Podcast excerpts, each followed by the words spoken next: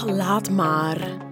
Ja, dat is iets wat je een tiener of je er nu zelf eentje hebt, bent of kent, wellicht al hebt horen zeggen. Het is één van de zeven typische uitspraken van tieners en hun ouders, waar rond kinderpsychologe Klaar Hammanekker haar nieuwste boek heeft opgebouwd. Uitspraken die kunnen zorgen voor afstand en escalatie, tenzij je wat langer stilstaat bij hun achterliggende boodschap. Een boek over datgene wat tieners en hun ouders tegen elkaar zeggen en waar het echt over gaat. Welkom bij Voorproevers. Voorproevers. Dag Klaar Hammenekker. Dag Eva Kamanda. Welkom. Oh. Klaar, je bent uh, psychologe en begeleidt nu al bijna 25 jaar kinderen, jongeren en ouders in je eigen praktijk. Je bent ook een veelgevraagd expert in de media. Zo coach je uh, de deelnemers van Junior Bake Off en The Voice Kids. En je bent auteur. Laat maar is de titel van het laatste kind dat je gepubliceerd hebt. Uh, een boek vol inzichten, getuigenissen en praktische tips over tieners. Ik heb voor alle duidelijkheid zelf geen kinderen. Ik ben er wel nog altijd één en dat kan ons gesprek uh, alleen maar interessanter maken. Klaar, je stelt meteen heel duidelijk in je boek dat tieners au serieus moeten genomen worden. Gebeurt dat nog te weinig? Absoluut. Uh, nu, ik denk dat iedereen op de eerste plaats au serieus moet genomen worden. Uh, en doorgaans doen mensen dat redelijk met elkaar, denk ik. Maar als het op tieners aankomt, dan gebeurt er iets. Dan lijkt het alsof die uh, ja, met hun soms inderdaad nogal uh, extreem gedrag en nogal hun uitspattingen en hun uiterste, lijkt het alsof dat eh, ja, een beetje kan weggelachen worden of geridiculiseerd of gerelativeerd. Mhm. Maar eigenlijk is dat natuurlijk helemaal niet, want achter al die dingen die zij ons laten zien en tonen, zit natuurlijk een heel belangrijke boodschap. En dat kan je alleen maar uh, achterhalen wat dat is als je hen uh, au serieus neemt natuurlijk. En hoe komt het dat, dat tieners niet au serieus genomen worden? Wat zit daarachter? Ja, de tienertijd dat is een beetje een vervelende periode natuurlijk. Hè. Dat zit zo tussen die speeltuin eigenlijk van, van, van kleuters en kinderen. En, uh, en dat zit zo nog niet in die jongvolwassenheid.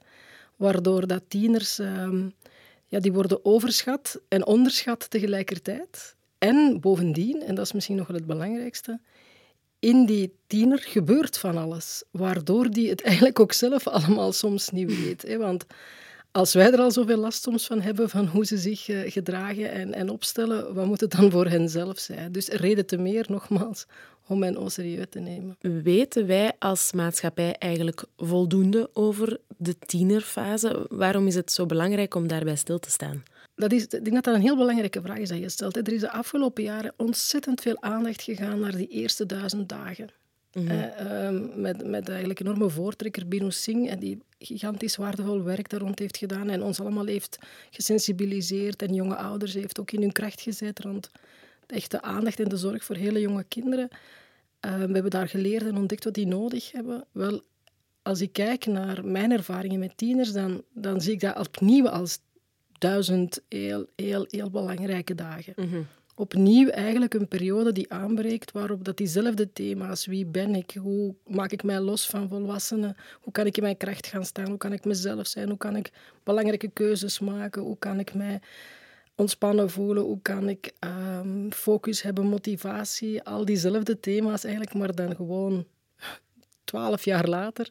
Uh, die komen eigenlijk gewoon opnieuw aan bod. Dus daarom is dat minstens even belangrijk. Het is een soort van tweede zittijd of zo van de duizend dagen. Een soort van herkansing eigenlijk, dat iedereen krijgt, ook ouders, ja. ook tieners, om op dat moment eigenlijk opnieuw met die thema's aan de slag te gaan. Ja, ja. Uh, we kruipen via zeven uitspraken in de geest van opgroeiende tieners, maar ook van hun ouders. Cliché-uitspraken eigenlijk, waar uh, veel meer achter zit. En met de eerste quote in je boek richt je je, en dat vind ik leuk, meteen uh, tot de ouders met Zeg, overdrijf is niet. Veel ouders vinden dat hun tieners overdrijven. Te veel make-up, te korte t-shirts, te lang op hun smartphone, te veel fastfood, te vaak of net te weinig douchen, enzovoort, enzovoort. Um, wat is de definitie van overdrijven hier voor een ouder eigenlijk, als die zoiets zegt? Ja, een, een ouder zegt eigenlijk van, ik begrijp wie.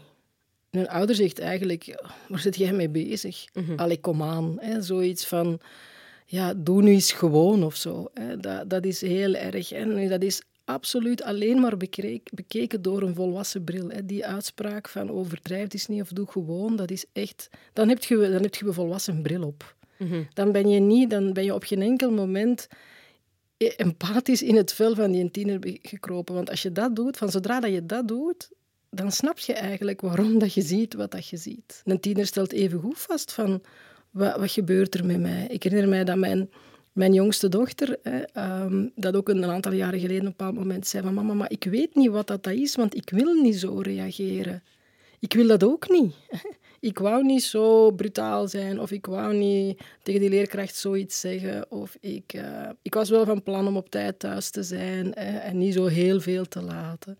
Dus ja, ze weten het zelf eigenlijk ook niet goed wat er mij gebeurt. Ze hebben dat ook niet onder controle. Hadden ze het maar onder controle, hè, dan, mhm. dan, zag het er misschien allemaal een beetje rustiger, ook voor henzelf uit mhm. vooral. Hoe moeten we dat tienergedrag dat ouders zo vaak als overdrijven bestempelen dan beter benoemen? Ik, ik denk dat eigenlijk, als je naar je tiener kijkt, dat je eigenlijk iemand ziet die uit balans is. En dat heeft verschillende redenen. En de eerste belangrijke reden daarin is dat, is dat dat ook fysiek, fysiologisch zo is. Er gebeurt op breinniveau op hormonaal niveau zoveel bij een tiener van binnen. Wist je trouwens dat de, de, heel de um, hormonale ontwikkeling, die de puberteit eigenlijk vooral is, dat die al heel lang bezig is, vooraleer dat we er aan de buitenkant iets van opmerken. Mhm. Dus dat, is, dat verklaart ook duidelijk, duidelijk waarom dat je als ouder al een hele tijd voelt van wat is dat met haar? Wat of met hem? er toch? Waarom doet hij nu zo? Wat krijgt hij nu? Ehm, maar ja, er is al van alles aan de gang. Dus vaak valt de puzzel een beetje als je dan aan de buitenkant de eerste uh, lichamelijke signalen begint te zien. Hè. Haren groeien en dergelijke, of lichaamsvormen of lijnen die veranderen. En dan dat je, dat je zulke dingen ziet. Maar er gebeurt van alles in dat brein. Eigenlijk, ik gebruik heel vaak, en dat heb ik in het boek ook gedaan, dat zijn een soort van verbouwingswerken of zo. Ja. In, in de tienerjaren... Groot eh, onderhoud. groot onderhoud. Ja, renovatie van je brein. Vooral dan van het van het de rationele stuk van het brein, je prefrontale kwap. En die, is eigenlijk, die zit in een soort van renovatie, waarbij dat eigenlijk een stukje in puin ligt, een stukje in opbouw is, een stukje in afbraak. En al die stukjes maakt dus dat er inderdaad geen evenwicht meer is, geen balans. Emoties komen uitvergroot binnen, net omdat dat rationele stuk een beetje moet heropgebouwd worden. Dus ja, zij, zij kunnen daar niet aan doen dat mhm. dat zo is. Dus please, laat ons daar wat begrip voor hebben. Ja, ja inderdaad. Ze, ze kunnen er zelf niks aan doen. Zou het kunnen dat de ouders overdrijven? Moeten ouders niet naar zichzelf kijken ook? Ja, dat kan zeker. Ik denk dat zeker. En dat is wat je soms met een eye-roll ook wel van je tiener in your face krijgt natuurlijk. Als die vindt dat jij overdrijft. Als je te bezorgd bent, met te veel advies, te achterdochtig. We vragen in het boek ouders van, wat heb je geleerd van je tiener? Of wat leer je dag in dag uit van je tiener? En dan komt dat, dat woord relativeren zo vaak terug. Hè. Dat, mhm. dat, dat, dat, vertragen, stilvallen. Ja, ja. Dus dat is echt wel, dat is inderdaad ook een beetje een spiegel voor, ons, voor onszelf eigenlijk. Hè. Over naar een echte tieneruitspraak. Dan een hele belangrijke ook, want het werd ook uh, de titel van je boek, Klaar Hammenekker. Laat maar, je begrijpt me toch niet. Die gaat recht naar het hart. Ik heb geen kinderen, maar uh, toch is hij heel herkenbaar. Um, wanneer komen tieners gewoonlijk met die uitspraak af? Oh, dan hebben ze meestal al heel veel andere dingen ondernomen om hun boodschap over te brengen. Eigenlijk, als iemand zegt laat maar, dan is het allerlaatste wat hij wil, is dat je het laat. Mm. Eh, basically. Want eigenlijk wil die, wil die verbonden blijven. Eigenlijk is, is laat maar een soort van, ik geef het op. Eh, ik, ik, kom, ik raak niet tot bij jou. Ik krijg mijn, mijn, mijn stuk niet gebracht. Je kan het niet horen, je kan het niet ontvangen, je, kan het niet, je leest het niet. Ik probeer het nu duidelijk maken. Um, en dan, is er een, uh, dan komt er een laat maar. Ja. Dat, is echt, dat is eigenlijk een beetje een soort van machteloze wanhoopsuitdrukking of zo die daarin zit. Hè. Waarmee, ze, waarmee tieners eigenlijk niet echt opgeven, maar net de hand uitreiken. Exact, ja, ja dat is zo, dat is zo een paradoxale uitspraak. Mm Zo eentje waarin dat eigenlijk één grote vraag is van laat het niet. Hè. Klamp, klamp aan, um, blijf nabij, um, toon interesse. Dat is eigenlijk echt um, luister naar mijn verhaal. Ehm, dat is eigenlijk wat ze, wat ze echt uh, willen op dat moment. Okay. Heel soms is het inderdaad goed om dingen te laten. Je hoeft niet alles op het bot uit te spitten. Uh, maar ook dan is het belangrijk dat je even checkt van... Is het dan oké voor u dat we het hier niet meer over hebben? Hè? Zit je zeker? Uh, dat is denk ik dan altijd ook wat je er nog even aan toevoegt. Hè? Om, om echt te dubbelchecken. Maar in 99% van de gevallen gaat de laat maar eigenlijk echt over over verbinding. Zie mij, zie mij. Ja. Dus als je laat maar hoort als ouders, eh, dat is niet per se een slechte uh, zaak. En een van de cruciale punten is dan op dat moment um, om, om op zoek te gaan naar verbinding met je tiener.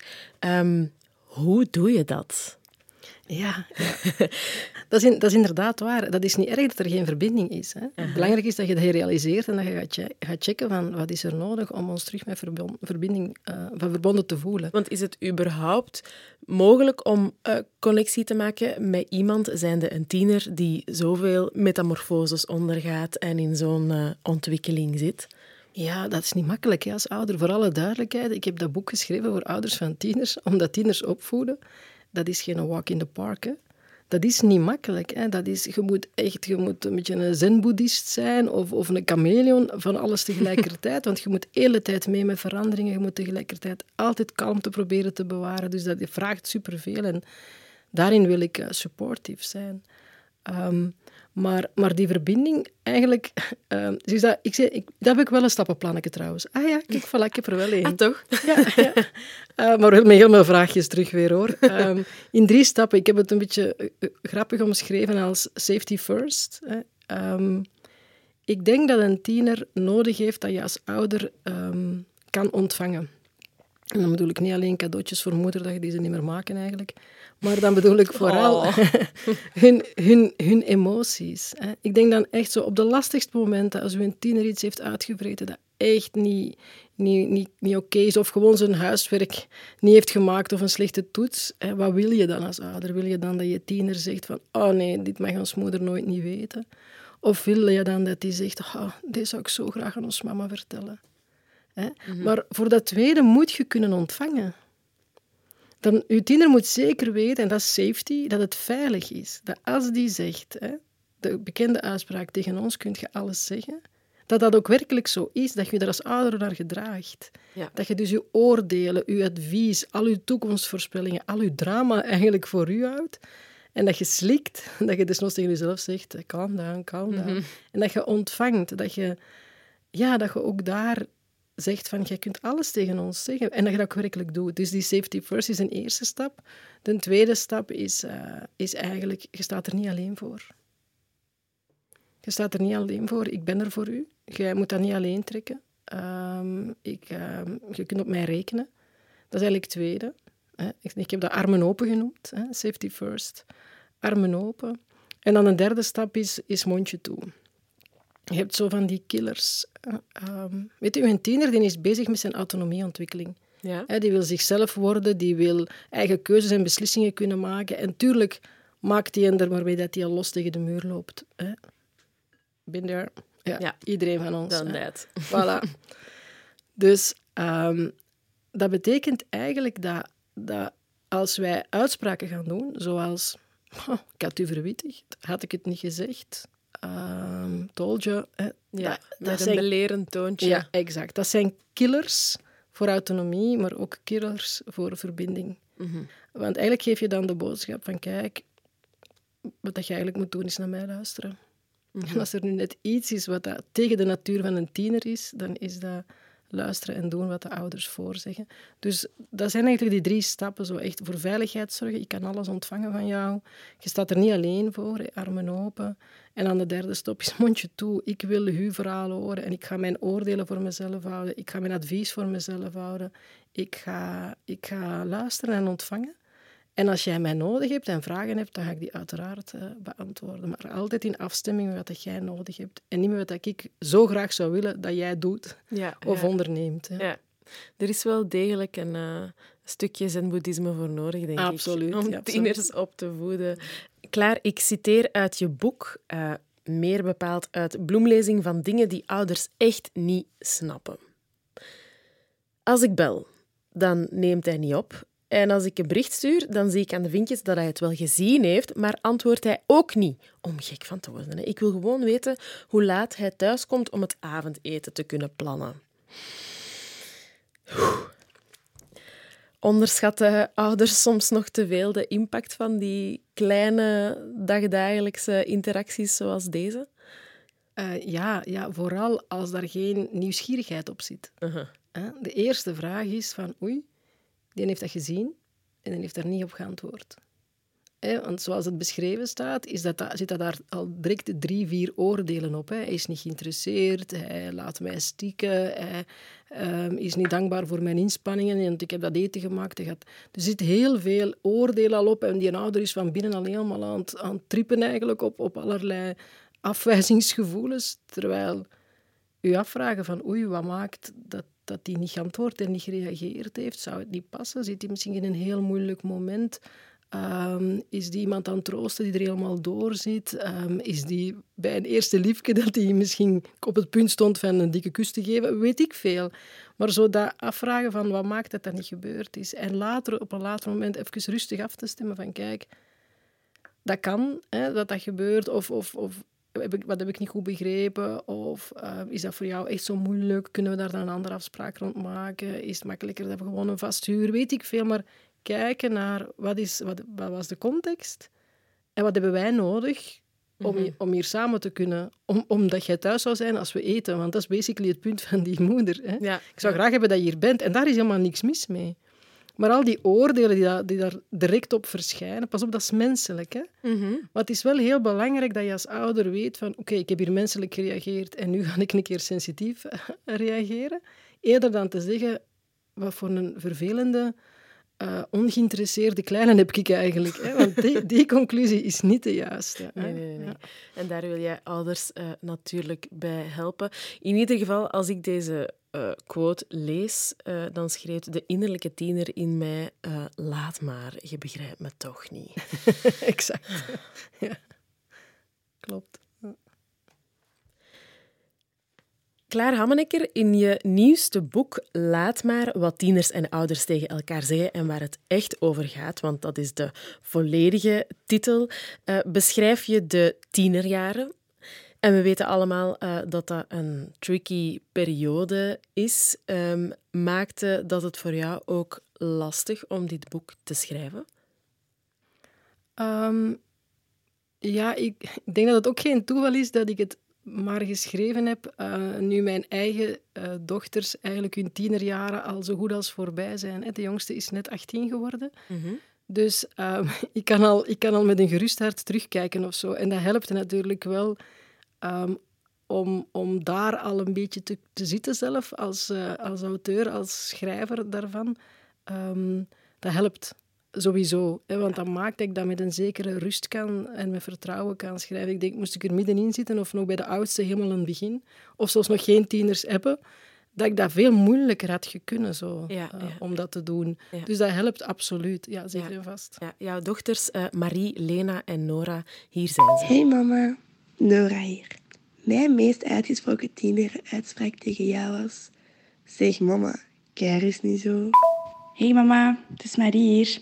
Als ze mij vragen wat ik in mijn tienerjaren vaak zei, dan is dat... Het is goed, ik zeg al niks meer. Hey mama, het is Lena hier. Als ze aan mij zouden vragen welke uitspraak ik het meest tegen jou heb gezegd als ik jong was, dan is het toch wel, denk ik, laat maar. Dus uh, graag gedaan voor de inspiratie voor uw boek. er moet een stuk auteursrechten naar, uh, naar Lena gaan hè, van het boek, voor de titel, ja, alleszins. Ja, is ook zo. Zij is zeker diegene die die uitspraak meest, uh, meest gebruikt heeft, absoluut. Ja, ja. ja. En keir is niet zo. Van zorgen? Nee, overdrijf is niet. Dat is eigenlijk basically de, eerste. Hè, zo van, maak daar niet zo'n big deal van of zo. Hè. Uh, dat is... Dat is Nora, haar uitspraak. En dan bedoelt ze dat zowel rond naar haar toe en, en de, de zaken waar zij mee bezig is en waar ik dan vragen over heb, als ook naar de dingen in mijn leven hoor. Zij Mhm. helpt mij ook om, met die uitspraak helpt zij mij om dingen in mijn eigen leven te, te relativeren, zal ik maar zeggen. Ja, dus dat kan zij ook zeggen als ik mijzelf heel erg druk of opjaag in iets van mezelf, dan uh, is Keiris niet zo, zegt ze eigenlijk tegen mij, mama, het is oké.